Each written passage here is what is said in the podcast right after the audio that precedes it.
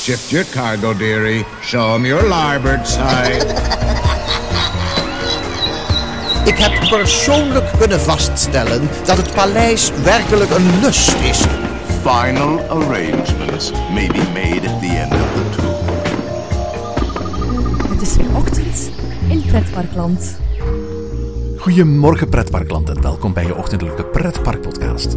Mijn naam is Aaron Taats en Dennis Jans en ik hebben het vandaag over tussenfrit.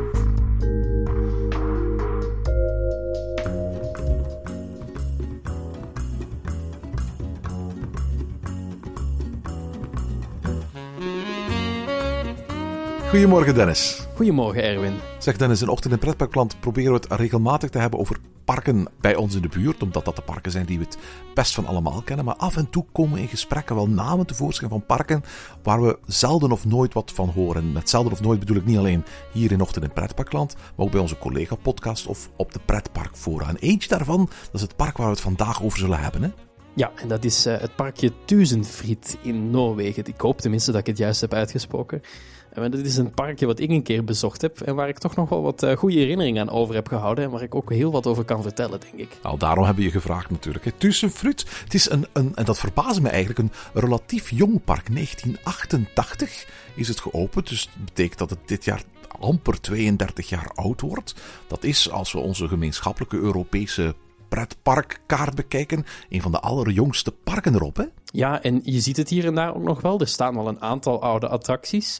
Maar het is wel over het algemeen een zeer modern park. Je ziet daar niet heel veel restanten van de geschiedenis, zeg maar. Ja, want er is een voorgeschiedenis. Van 1950 tot 1985 was het eigenlijk zo dat het parkje deel uitmaakte van een, van een dierentuin, een zoo. Twee entrepreneurs, Stor Erling Pettersen en Terje Buur, die hebben toen in 1985 in totaal 46 hectare van de grond van die voormalige zoo uh, geleased. Met de bedoeling om een eigen park te openen. En op 11 juni 1988 is dat opengegaan als tussenfrit. Ja, en met ook meteen een, een paar attracties erbij. Nog niet het grote park wat we vandaag kennen. Maar door de jaren heen zijn er wel een aantal attracties bijgekomen, waardoor het nu toch wel een, een bezoekswaardig park is. Je komt daar nog wel om een aantal fijne achtbanen te doen en er zijn ook twee dark rides te vinden ondertussen. Ja, absoluut. Nu, de, de twee oprichters die hebben het park 20 jaar na het ontstaan eigenlijk al doorverkocht. Het park uh, is op dit moment in handen van Parkes Reunidos, dus een groep waar Bobby Aland, Slagaren, Movie Park Germany toe behoort. Uh, en dat wil meestal zeggen dat dat park op een bepaald moment in zijn geschiedenis toch niet super goed gedraaid is. Ik geloof dat het nu ongeveer 450.000 bezoekers per jaar trekt. En dat is zelfs aanzienlijk minder dan zoals Slagaren, als Bobby Aland, als Movie Park. Het is ook geen druk park. Tenminste, toen ik er was, was het niet heel erg druk bezocht. Ik heb nooit echt lang moeten wachten, terwijl het wel midden in de zomer was. Um, en dat parkje, ja, je zei het al, het is van Parques Reunidos. Ik heb daar een klein beetje een, een haat-liefde verhouding mee. Dat heb ik ook als ik in Bobbejaanland wandel en in Slagharen en in Movie Park Germany. Je merkt het wel heel erg goed dat die parken geopereerd worden door Parques Reunidos. Je merkt dat meteen in de aantal attracties die er staan, in um, de soorten attracties, in de thematisatie die erin wordt gestoken, in het eten wat je kunt krijgen, in de muziek die er draait. Ja, het is niet allemaal van even grote kwaliteit. Het parkje ligt in Winterbro in Noorwegen. Dat ligt ongeveer 20 kilometer van Oslo vandaan. Ik neem aan, van alles wat ik ervan zie, dat dat zo'n beetje in the middle of nowhere is. Klopt dat? Bijna. Het parkje ligt eigenlijk op een, op een onhandige locatie eigenlijk. En ik denk dat het ook wel een beetje te maken heeft uh, met het feit dat ze het hebben overgekocht van een voormalige dierentuin. Want het ligt eigenlijk op een bergwand. Je moet daar geen enorme bergwand van een, van een kilometer hoogte bij voorstellen, maar gewoon een stevig grote heuvel. En daarnaast ligt een snelweg. En dat is eigenlijk de snelweg die Oslo verbindt met de grens van Zweden in het zuiden. En dat is dezelfde snelweg die ook langs Liseberg gaat. Hè? Ik herinner me die als heel erg druk. Het is daar inderdaad wel zeer druk. Het heeft uiteraard wel het effect dat mensen altijd het pretpark zullen zien zoals ze er voorbij rijden. Uh, datzelfde effect heeft Liseberg bijvoorbeeld, trouwens ook. Daar zie je het park ook vanaf de snelweg liggen. Maar of het daar heel veel volk doorlokt, ik weet het niet zo heel erg goed. Want het is niet echt een toeristische route ook. Er komen niet zo heel erg veel mensen langs. Uh, veel mensen die bijvoorbeeld op een citytrip gaan naar Oslo, die nemen vaak het vliegtuig, die gaan niet met de auto. En het aantal mensen die met bijvoorbeeld met de mobiloom of wel met de auto door Noorwegen heen trekt, die daar langs komt, wordt ook nog weer eens door de helft gedeeld, omdat velen bijvoorbeeld vanuit onze contraien de overstap maken per boot en die komen dan niet eens in die buurten terecht.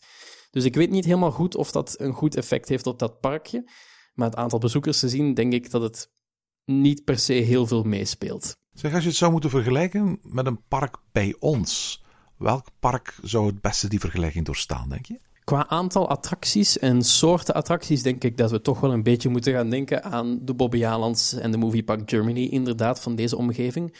Of misschien zelfs parken als een soort drievliet.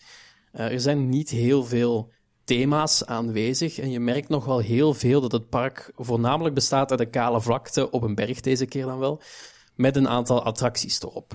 Je vermaakt je wel heel erg goed, maar het is geen echt groot themapark. Het is geen themapark. Is het ook een natuurpark? Want ja, het ligt natuurlijk wel langs die bergflank, bij wijze van spreken. Maar is de natuur ook de moeite waard om te bezoeken? Of is het gewoon letterlijk, bij wijze van spreken, ergens een grote open wei waar een boel attracties op geplaatst zijn? Het zijn bomen. Het zijn de bomen die daar op de berg stonden. En uh, niet heel veel meer eigenlijk. Je moet je daar geen grote natuurparken gaan inbeelden, zoals bijvoorbeeld de Efteling is bij ons in de buurt. Daar, ja, daar staan bomen en ik denk zolang dat ze niet in de weg staan, zullen ze er blijven. Maar natuur is daar denk ik niet het meest belangrijke in de ontwikkeling van het park. zeg, um, het park ligt op een en bij een heuvel. Uh, wat heeft dat voor invloed op hoe het park uh, georganiseerd is? Een enorme invloed. Je merkt dat eigenlijk meteen als je je auto uitstapt, dan ga je naar een ingang toe, dan koop je eventueel nog je ticket als je nog geen hebt. En dan kom je eenmaal dat park binnen en dan merk je meteen die heuvel. Het park bevindt zich eigenlijk op een hoger niveau dan de ingang. En hoe lossen ze dat op? Er is aan de ene kant een pad wat je naar boven kunt nemen, een konkelpad voor ook mensen die in een rolstoel zitten.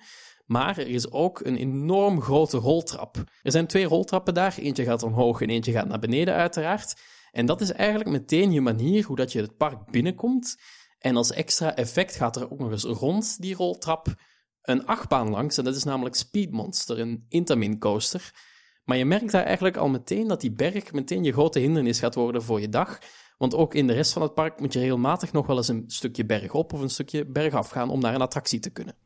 Ja, roltrappen zijn een terugkerend fenomeen in pretparken die in heuvelachtig gebied gebouwd zijn natuurlijk. We, we kennen allemaal uh, de, de roltrappen die het lager gelegen gedeelte en het hoger gelegen gedeelte in Universal Studios in Hollywood met elkaar verbinden. Maar bijvoorbeeld ook de eigenlijke Liese Berg waar Helix en de, de Lieseberg banaan op liggen, die, die hebben van die roltrappen naar boven en naar beneden om onder meer bij, bij, bij Helix uh, te komen. Ik vind het niet detonerend, vooral duidelijkheid, als zo'n roltrap op een mooie manier in de natuur is, is, is aangelegd. En dat is het geval bijvoorbeeld in, uh, in. Hier is het zo dat waarschijnlijk zodra je de ingang voorbij bent, je er nog maar weinig meer van merkt. Nee, inderdaad. Je hebt eigenlijk geen reden om terug naar beneden te gaan. En eigenlijk om het naar boven gaan, heeft het wel een mooi effect in het begin van je dag. Je moet je maar voorstellen dat je de ingang binnen bent gekomen en je eigenlijk nog weinig van het park ziet en dan die roltrap opstapt. En in de verte gaat bijvoorbeeld die achtbaan al rond die roltrap heen. En je ziet in de verte een paar attracties opdoemen. Dat heeft wel een mooi, onbedoeld extra effect eigenlijk. Ik kan me voorstellen dan dat dit misschien het, het, soort park is waar oma en opa aan het eind van de dag met wel heel vermoeide benen terug naar de parkeerplaats strompelen. Oh ja, absoluut. Zeker voor een aantal attracties om die te kunnen bezoeken of om er überhaupt met, met het hele gezin naartoe te kunnen. Dan moet je ook weer gewoon die berg vanaf. Er is bijvoorbeeld in dat park een Mac waterachtbaan, een Mac Supersplash, zoals we die kennen als Supersplash uit Plopsaland of Atlantica Supersplash uit Europa Park. En om daar naartoe te gaan, zul je de berg te voet af moeten. En nadat je die attractie gedaan hebt, zul je ook weer te voet die berg op moeten om weer terug naar de rest van het park te kunnen gaan. Dus je loopt heel wat op die dag en je loopt ook heel wat bergop en bergaf. Dus dat kan, denk ik, als je last hebt van je voeten, zoals ik, kan dat best wel vervelend zijn aan het einde van de dag. Um, zeg, misschien moeten we eens kijken naar de verschillende attracties die er allemaal zijn. Want themagebieden, je zei het is geen themapark, dus ik vermoed dat er niet echt themagebieden zijn. Nee, absoluut niet. Er zijn wel een paar plekken waar dat iets van thematisatie is aangebracht, maar zeker geen themagebieden. En die worden ook zeker niet getoond of zo op een, op een parkplattegrond. Want ja, er zijn ook niet echt een, een westerngebied of een piratengebied of zo. Dat bestaat hier niet. In 1988 is het park officieel geopend. En dat hebben ze meteen gedaan met een, uh, een coaster van Vekoma, uh, de Lopen. Ja, klopt, ja. En dat is een uh, achtbaan die de meesten van ons toch wel zullen herkennen als hetzelfde model als de Tornado in Avonturenpark Hellendoorn. Het is niet precies die achtbaan, maar het is wel hetzelfde model van Vekoma. En eigenlijk is die achtbaan best wel fijn om te doen. Het is uiteraard niet meer de jongste als je meer dan 20 jaar oud bent. En het is ook niet de beste achtbaan en de meest soepele achtbaan ter wereld. Maar ik vond hem vrij aangenaam. Ik heb hem een paar keer gedaan op die dag. En uh, is best leuk om te doen. Ik herinner mij uit, uit Hellendoor dat ik hem vooral heel erg schokkerig vond. Ja, dat viel hier gelukkig wel mee. Ik heb mijn nek uiteindelijk niet gebroken toen ik erin zat. En Hellendoor is geloof ik zelfs nog twee jaar jonger. Daar is hij pas aan het park toegevoegd in 1990. Dus het is nog een twee jaar oudere versie. Aan de andere kant heb ik het idee dat Tussenfruit wel een heel kort seizoen heeft. Dat het het vooral moet hebben van, van de relatief korte zomerperiode die ze daar in Scandinavië hebben. Misschien is daardoor dat die attractie net iets, iets, iets soepeler is. Omdat hij gewoon net iets meer rondjes doet gemiddeld op een jaar dan dat uh, Tornado doet in Hellendoor. Dat zou best mogelijk kunnen zijn, ja. De volgende achtbaan die ze toegevoegd hebben was in 1996. Ik, ik, ik ga je niet kwalijk nemen mocht je er niet in zijn geweest. Want Tussenfruit zelf uh, beweert dat het de kleinste achtbaan ter wereld is. De dwergbanen is dat. Ik ga je zeggen dat ik hem wel gedaan heb toen de tijd. Oh ja? Uh, ja, zeker. Uh, ik had uh, toen een, een, veel jonger zusje bij me, dus ik ben samen met haar in die achtbaan gaan zitten. Het is inderdaad ah, excuus, een, excuus. een, een, een heel klein ritje voor mezelf zou ik dat natuurlijk nooit doen. um, maar dat is inderdaad een, een heel kleine achtbaan, inderdaad. En het is eigenlijk gewoon in, in de vorm van het cijfer 0 zoals je het zou intypen op je computer. En het is als geen achtbaan een nulbaan eigenlijk. Zo. Eigenlijk exact een, een, elastiekje dat ze daar ergens hebben liggen. Zo. Dat, dat is eigenlijk wat het is. En volgens mij is er nog geen anderhalve meter hoog. Dus daar is inderdaad niet zo heel erg veel spectaculairs aan. Ik kan me er ook vrij weinig van herinneren. Is, ik zie hier op een website dat ze claimen dat, dat uh, de dwergbanen een topsnelheid heeft van 6 km per uur. Dus met andere woorden, je kunt er gewoon waarschijnlijk gewoon veel sneller gewoon mee rondjes lopen dan dat je erin zit. Ik ken een paar dark rides die harder gaan dan die achtbaan, laat ik het zo zeggen. Zeg, SBF Visa Groep, dat is het bedrijf dat uh, die het vechtbaan heeft gemaakt. Het is een Italiaanse coasterontwerper die vooral bekend is omwille van uh, kinderattracties en uh, bumpercars. En ze hebben een heleboel van dat soort kleine coastertjes gemaakt die eigenlijk rondjes maken, vooral op, op kermissen. De volgende coaster die ze toevoegden was er ook eentje van Vekoma. Ze hebben in totaal drie Vekomas daar staan. En dat is de Thunder Coaster. En dat is wel een hele bijzondere. Toegevoegd in 2001. En dat jaartal zou een belletje moeten laten rinkelen bij onze luisteraars. Ja, en zeker als je het hebt over houten achtbanen, want in uh, die periode zijn de, de, drie houten achtbanen van Vekoma geopend. We kennen natuurlijk hier in de buurt in Nederland, in Walibi Holland, de Robin Hood. Daarna in België de Weerwolf, eh, ook van Vekoma. En dan zeggen de meeste achtbaanfans, er staat er ook nog eentje ergens in een willekeurig Scandinavisch land dat ze nooit kunnen onthouden. Voilà, dat is altijd wat ik zeg hoor trouwens.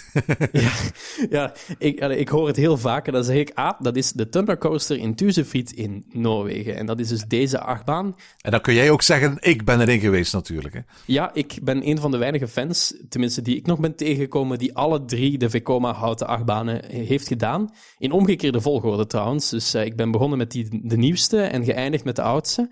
En ik kan ook wel zeggen dat dat de beste volgorde is waarin dat je die, die, die achtbanen kunt rangschikken. Want dit is ook echt wel de beste van die drie achtbanen. Serieus? Ja, zeker. Deze heeft een veel betere layout, veel verrassender. Maakt heel erg goed gebruik van het hoogteverschil. Zoals we al eerder al zeiden, is dit park op een berg gebouwd. En daar kun je heel erg slim gebruik van maken. Dat is hier zeker gedaan. Het is een, een vrij soepele achtbaan voor een Vekoma-achtbaan. Uh, je gaat er wel met plezier in. En dat is tegenwoordig bij de Weerwolf en um, vroeger bij de Robin Hood zeker wel anders. En um, ja, hij heeft veel meer verrassende elementen, maakt veel beter gebruik van de snelheid, heeft ook een zeer hoge snelheid, houdt die goed vast tot het einde. Ik heb altijd wel gezegd dat deze achtbaan het meest lijkt op een GCI-houten achtbaan dat Vekoma ooit gebouwd heeft. Nu, als ik foto's bekijk op Rollercoaster Database, dan zie ik daar wel een heel ander soort treinen op die coaster zitten dan uh, de treinen die ik ken van de Weerwolf in Walibi Belgium of van vroeger de Robin Hood in, in uh, Walibi Holland. Ja, klopt inderdaad. Een aantal jaren geleden las ik dat het park die treinen heeft vervangen. Nu, ik moet wel zeggen dat ik de, de originele treinen nog heb gedaan, met uh, de, de Vekoma-treinen dus nog. Tegenwoordig zitten daar treinen op van de Gravity Group, wat ook een, een bouwer van houten achtbanen is. Ehm, ik heb die dus nog niet gedaan, dus ik weet niet of het misschien nu beter is dan dat het misschien vroeger was, of dat deze treinen een, een ander effect hebben of zo. Maar met de originele treinen van Vekoma was het zeker niet slecht en was het echt wel fijn om die achtbaan te doen. Uh, de Robin Hood, dat was een traditionele out-and-back coaster. Uh, de Weerwolf, dat was meer een twister, maar lang uitgerokken. Dit is echt een twister coaster, hè? Ja, zeker. En um, ja, opnieuw hier wordt goed gebruik gemaakt van het hoogteverschil. Je merkt dat bijvoorbeeld als je een filmpje of een foto ziet van deze achtbaan. De first drop is eigenlijk helemaal niet zo hoog vergeleken met de lifthill die je opgaat. En dat komt eigenlijk omdat dat gedeelte op het hoogste is van die berg ook, waar dat deze achtbaan op ligt. En dat eigenlijk daarna vrij snel weer gebruik wordt gemaakt van dat hoogteverschil, waardoor dat deze achtbaan veel meer snelheid heeft. En ook ja, de, de layout is gewoon veel beter dankzij het twister-element inderdaad, waardoor dat deze achtbaan eigenlijk ook wel zeer fijn is en nog steeds een van de topattracties van dit park, want het was hier wel redelijk druk de hele dag. Ja, je zegt dat ze gebruik maken van het hoogteverschil in het park. Mag ik dit een terrain coaster noemen? Ja, een klein beetje wel. Het is niet de type terrain coaster die de hele tijd heel erg dicht bij de grond blijft, maar maakt wel echt degelijk gebruik van de berg waar dat hij op staat. Die first dot bijvoorbeeld is dus niet zo heel erg groot, maar het effect wat daardoor gecreëerd wordt, is dat je de lifthill opgaat en dan een bocht naar links neemt, een beetje zoals we kennen ook uit Troy bijvoorbeeld waardoor dat de lifthill een heel groot gedeelte van die achtbaan verbergt. En daardoor zie je eigenlijk ook niet dat je heel erg gebruik maakt van die hoogte, maar je blijft nog steeds wel heel erg vaak hoog boven de grond en je maakt nog steeds hoge hellingen en hoge afdalingen. Dat is echt wel de moeite waard. Ja, absoluut. Als je in de buurt bent, is het zeker leuk om hier je coaster bingo te halen en net zoals ik te kunnen zeggen, ik heb alle drie de Vekoma houten achtbanen gedaan. Op voorwaarde natuurlijk dat je Robin Hood gedaan hebt, want anders is dat niet meer mogelijk natuurlijk. Ja, dan ben je te laat helaas. Ja, voilà, is dat. In 2003, twee jaar later, het ging hen blijkbaar uh, voor de wind in die periode, uh, hebben ze nog een coaster toegevoegd. Dat was er eentje van Mackerides, uh, een Super Splash. ik hoor het woord Super Splash, denk ik meteen aan Plopsaland, Europa Park, dat soort parken. En dat is ook eigenlijk exact dezelfde type achtbaan die hier gebouwd is. Je kunt het eigenlijk het beste inbeelden als Atlantica Supersplash, maar dan met het verschil dat je hier de lifthill opkomt en daarna niet op een draaischijf gezet wordt, maar meteen je kleine dipje naar beneden maakt en dan een bocht maakt zonder draaischijven en meteen van de drop afgaat en in het water terechtkomt.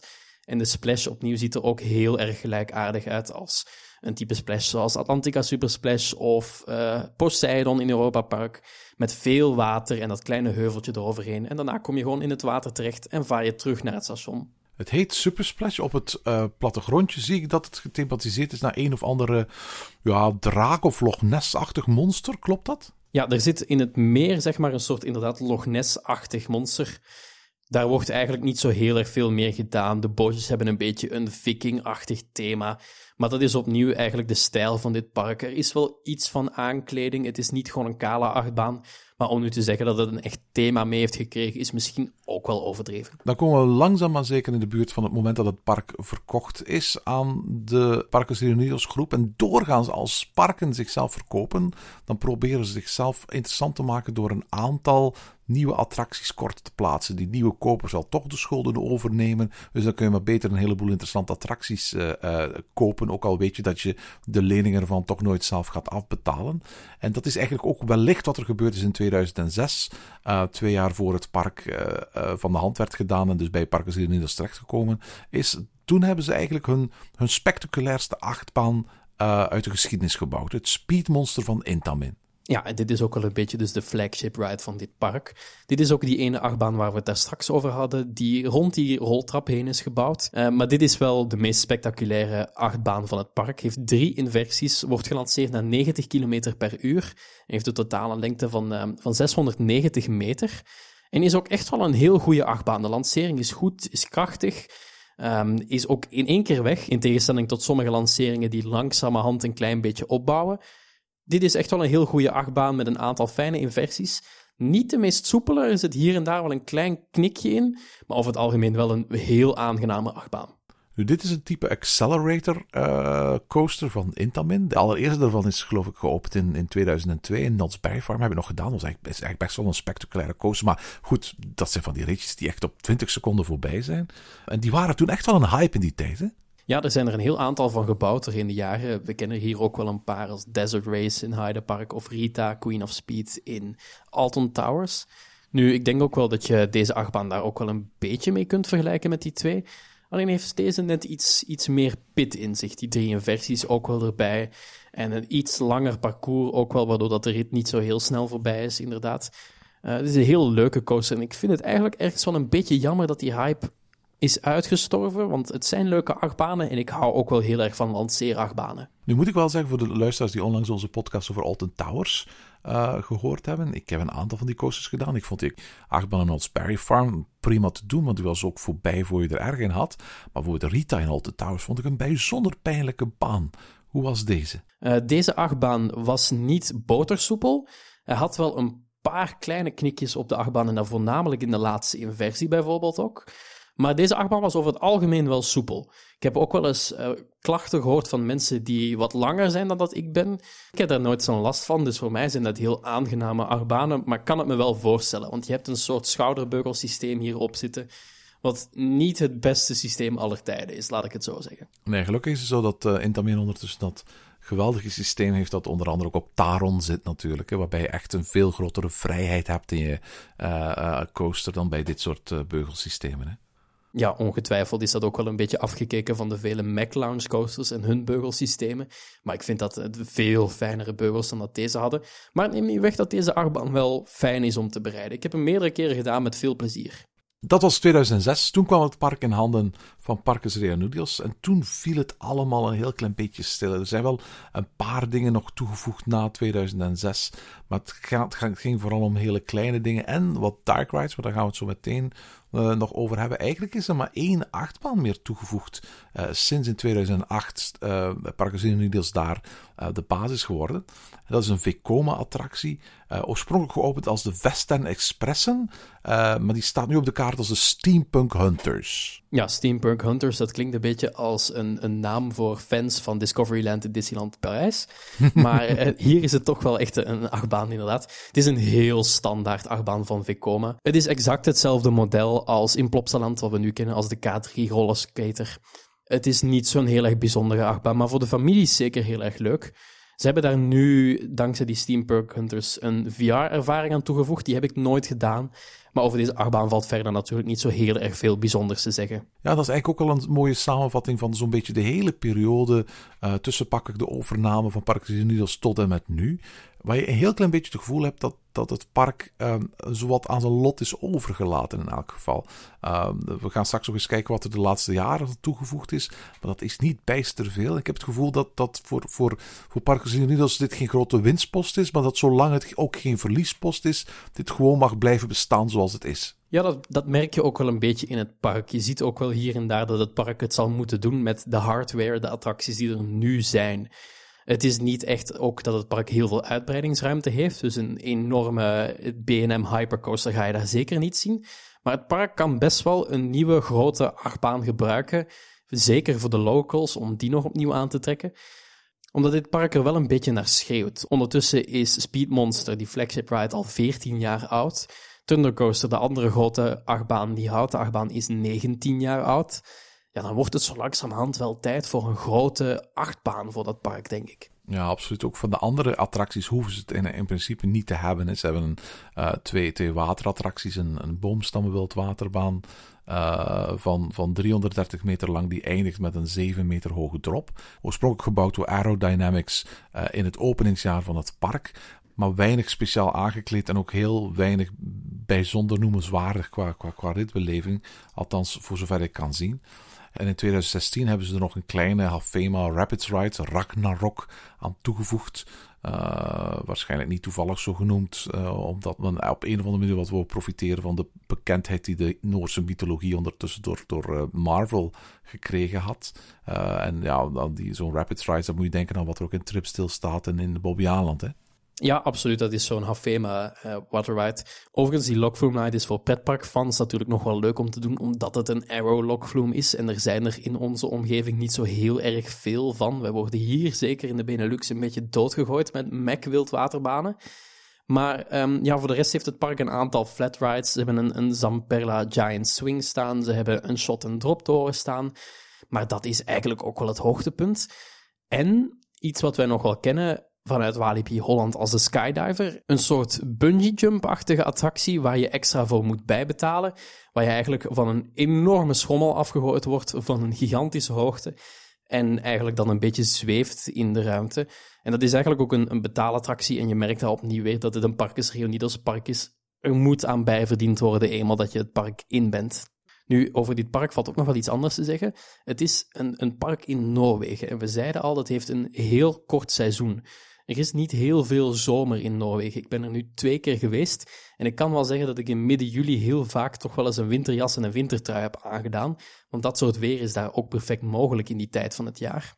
Nu, dit park heeft daardoor ook wel een iets zomersere opstelling dan een gemiddeld pretpark bij ons. Het is geen echt summerland, zoals je daar vaker vindt in die omgeving, waar dat je echt heel zomerse attracties hebt en veel wateromgevingen en glijbanen en zwembaden. Maar is hier wel een zwembad bij aanwezig in dit park en opnieuw gebouwd in de bergen weer. Ja, absoluut. Badenfrit heet het. Hè? En het is gewoon inbegrepen in de toegangsprijzen. Ja, je kunt er eigenlijk gewoon naar binnen wandelen. Als je je zwembroek mee hebt genomen, mag je er gewoon in. En hier hebben ze opnieuw gewoon een aantal glijbanen van de berg naar beneden laten gaan. En beneden is een iets groter professioneel zwembad. Nu, het park heeft ook twee indoor-attracties. Uh, het ene is een interactieve 5D-bioscoop, Nightmare. Uh, een aangepaste versie van Alter Faces The House gebouwd in het voormalige spookslot. Alterface kennen we uiteraard van als makers van Popcorn Revenge, uh, maar ook van het ter ziele gegane uh, Desperado City in Bobby Island. En wie dat nog herkent, dat was die western-attractie in de saloon, waarbij je op paardjes gezeten uh, naar allerlei cowboys kon gaan, gaan schieten. Eigenlijk is Nightmare daar de horror variant van. Uh, dus je zit uh, op, een, op, een, op een motion base en op basis daarvan kun je uh, gaan schieten naar allerlei horrortafereelen die verschijnen. Dat is één van die attracties. Die heb je trouwens in heel veel um, Scandinavische parken. Een aantal jaar geleden hebben we zo'n rondreis gemaakt langs een heleboel Scandinavische parken. En daar, stond, daar kwamen we heel vaak terecht in van die hoekjes waar dan zo'n alter-face shooter geplaatst was. En die waren op dat moment ook nog relatief populair. Ze hebben ook een, een dark ride en die heette Thor's Hammer. Maar die heb je niet gedaan, hè Dennis? Nee, die heb ik jammer genoeg niet gedaan, dus daar kan ik niet zo heel erg veel zinnigs over zeggen. Zoals de naam het een beetje zegt, is het gebaseerd op de Noorse mythologie. Het is een van de allerkleinste dark rides uh, die er bestaan. Het is gebouwd in een bestaande grot, dus echt in een in een gebouw dat eigenlijk in een, in een grot is ingebouwd, die daar eigenlijk al was. Die is ontzettend kort, uh, pakweg 200 meter lang. Dus dat is niet heel erg uh, lang, duurt ook maar vier minuutjes of zo. En eigenlijk ga je van scène naar scène uh, met een 3D-brilletje op. en dan zie je telkens geprojecteerde dingen. Het is eigenlijk een beetje een soort van budgetversie van The Amazing Adventures of Spider-Man uit Islands of Adventures. Het is een project van de Nederlandse themagroep PMP Projects. Dat dit eigenlijk altijd als een soort van paradepaardje naar voren schuift op beurzen en in catalogie. Ze zijn er ook wel heel trots op, omdat ze daar in staat zijn geweest om voor een relatief klein budget in een hele kleine ruimte uh, een volledige nieuwe ervaring uh, neer te zetten, die uiteindelijk ook wel vrij populair is in het park. Ja, ik heb ze niet gedaan, maar je mag me misschien cynisch noemen. Maar toevoegingen van Parkes Reunidos, waarbij je een 3D-bril op moet doen, die maken mij niet meer heel erg enthousiast tegenwoordig na de ervaringen die ik al gedaan heb. Nu, het kan goed zijn dat het misschien wel een heel erg toffe ervaring is, dan neem ik dit meteen terug. Maar ik weet niet of ik het erg moet vinden dat ik deze attractie niet gedaan heb. De, laten we zeggen dat de reviews gemengd zijn. Uh, de attractie heeft in 2013 een IAPA Award gekregen, de European Star Award voor beste dark ride. Anderzijds, 2013 was nu ook niet een, een, een belangrijk jaar voor dark rides in Europa. Dus je hebt zoveel die jaren waar je makkelijk zo'n, makkelijker zo'n award kunt winnen dan, uh, dan een andere. Maar ik denk wel dat het voor, voor, voor een park als Tussenfried dat echt een soort van, ja, je zegt van het is geen sommerland, maar wel voor heel groot stuk een outdoor park is, op een beetje regenachtig of koude dag een waardevolle toevoeging is. En in dat opzicht lijkt het mij wel een hele logische beslissing van Parkes Leonidas om daar zo'n, al is het maar een kleine variant Dark Ride te plaatsen. Ja, en de grot waar dat die attractie nu in ligt, die heb ik wel, wel degelijk gezien. Niet van binnen, maar de locatie wel. En uh, dat is eigenlijk ook wel vrij handig, want voor de rest is er inderdaad niet zo heel erg veel binnen te gebeuren. En dan is het nog wel mooi om te zien dat die grot daarvoor gebruikt wordt dan. Het is zo dat ze vroeger in die grot een, motion simulator attractie hadden staan. Uh, en uh, die is gesloten in 2008. Uh, en dan in 2013 hebben ze pas vijf jaar later die Dark Ride erin geplaatst. En de reden waarom het zo lang geduurd is omdat ze eigenlijk maar 1200 vierkante meter vrij hadden om daar een nieuwe attractie neer te zetten. En uiteraard, als je, als je bedenkt van ja, je hebt een grot, dus met andere woorden, dat is al geen super gemakkelijke ruimte om dingen in te plaatsen. Je kunt niet zomaar een heel groot gat in maken en alles moet via hele kleine spelonken als het ware naar binnen worden gebracht. Je hebt al een hele kleine footprint, dus je bent ontzettend beperkt. Dus ik kan me eigenlijk best wel voorstellen waarom PNP Projects zo uh, uh, uh, tevreden is over deze Dark Ride. Elf scènes in totaal zo'n vier minuten uh, duurt het ding. Het zijn allemaal geprojecteerde dingen hoor. Hier en daar zijn een paar thema-elementjes aanwezig. Maar eigenlijk is een attractie die voor het vooral hoofdzakelijk moet hebben van, van, van projecties. En om die reden toch wel een zekere bekendheid geniet binnen Europa. Zeg Dennis, is mijn indruk correct dat we nu al het belangrijkste gezegd hebben over dit park? Ja, ik denk het wel. Dit is niet echt het park waar dat heel veel uren over volgepraat kunnen worden, jammer genoeg. Ben je dan op het einde van de dag weggegaan met een, met een soort van voldaan gevoel? Of dacht je van, ach ja, uh, been there, done that? Ja, het is een beetje een mix van de twee. Ik heb zeker een toffe dag gehad. Ik heb mij goed geamuseerd. En de achtbanen die hier staan zijn best wel de moeite waard. Maar je moet wel begrijpen in welke hoedanigheid ik hier was. Ik was hier op doorreis, letterlijk langs die snelweg. We reden er echt letterlijk langs. Dus uh, dan is het wel fijn om dit parkje mee te nemen. Of als je misschien in Oslo bent voor een citytrip voor een paar dagen, je hebt een beetje tijd over, dan kun je dit best wel gaan doen. Maar je moet dit absoluut niet gaan doen speciaal voor dit park. Als je dan toch die enorme afstand neemt, ga dan naar, naar Liseberg, ga dan naar Kolmarden of ga ergens anders naartoe. Want dat is dit parkje jammer genoeg ook weer niet waard en daarvoor is de afstand helaas te groot. En tot zover deze aflevering van Ochtend in Pretparkland. Heb je vragen of opmerkingen? Mail ons dan via ochtend.pretparkland.be. Meer informatie over onze podcast vind je terug op www.pretparkland.be en nieuwe afleveringen download je via onze website of via iTunes. Ochtend in Pretparkland is de pretparkpodcast voor vroege vogels. Bedankt voor het luisteren en maak er een fijne dag van.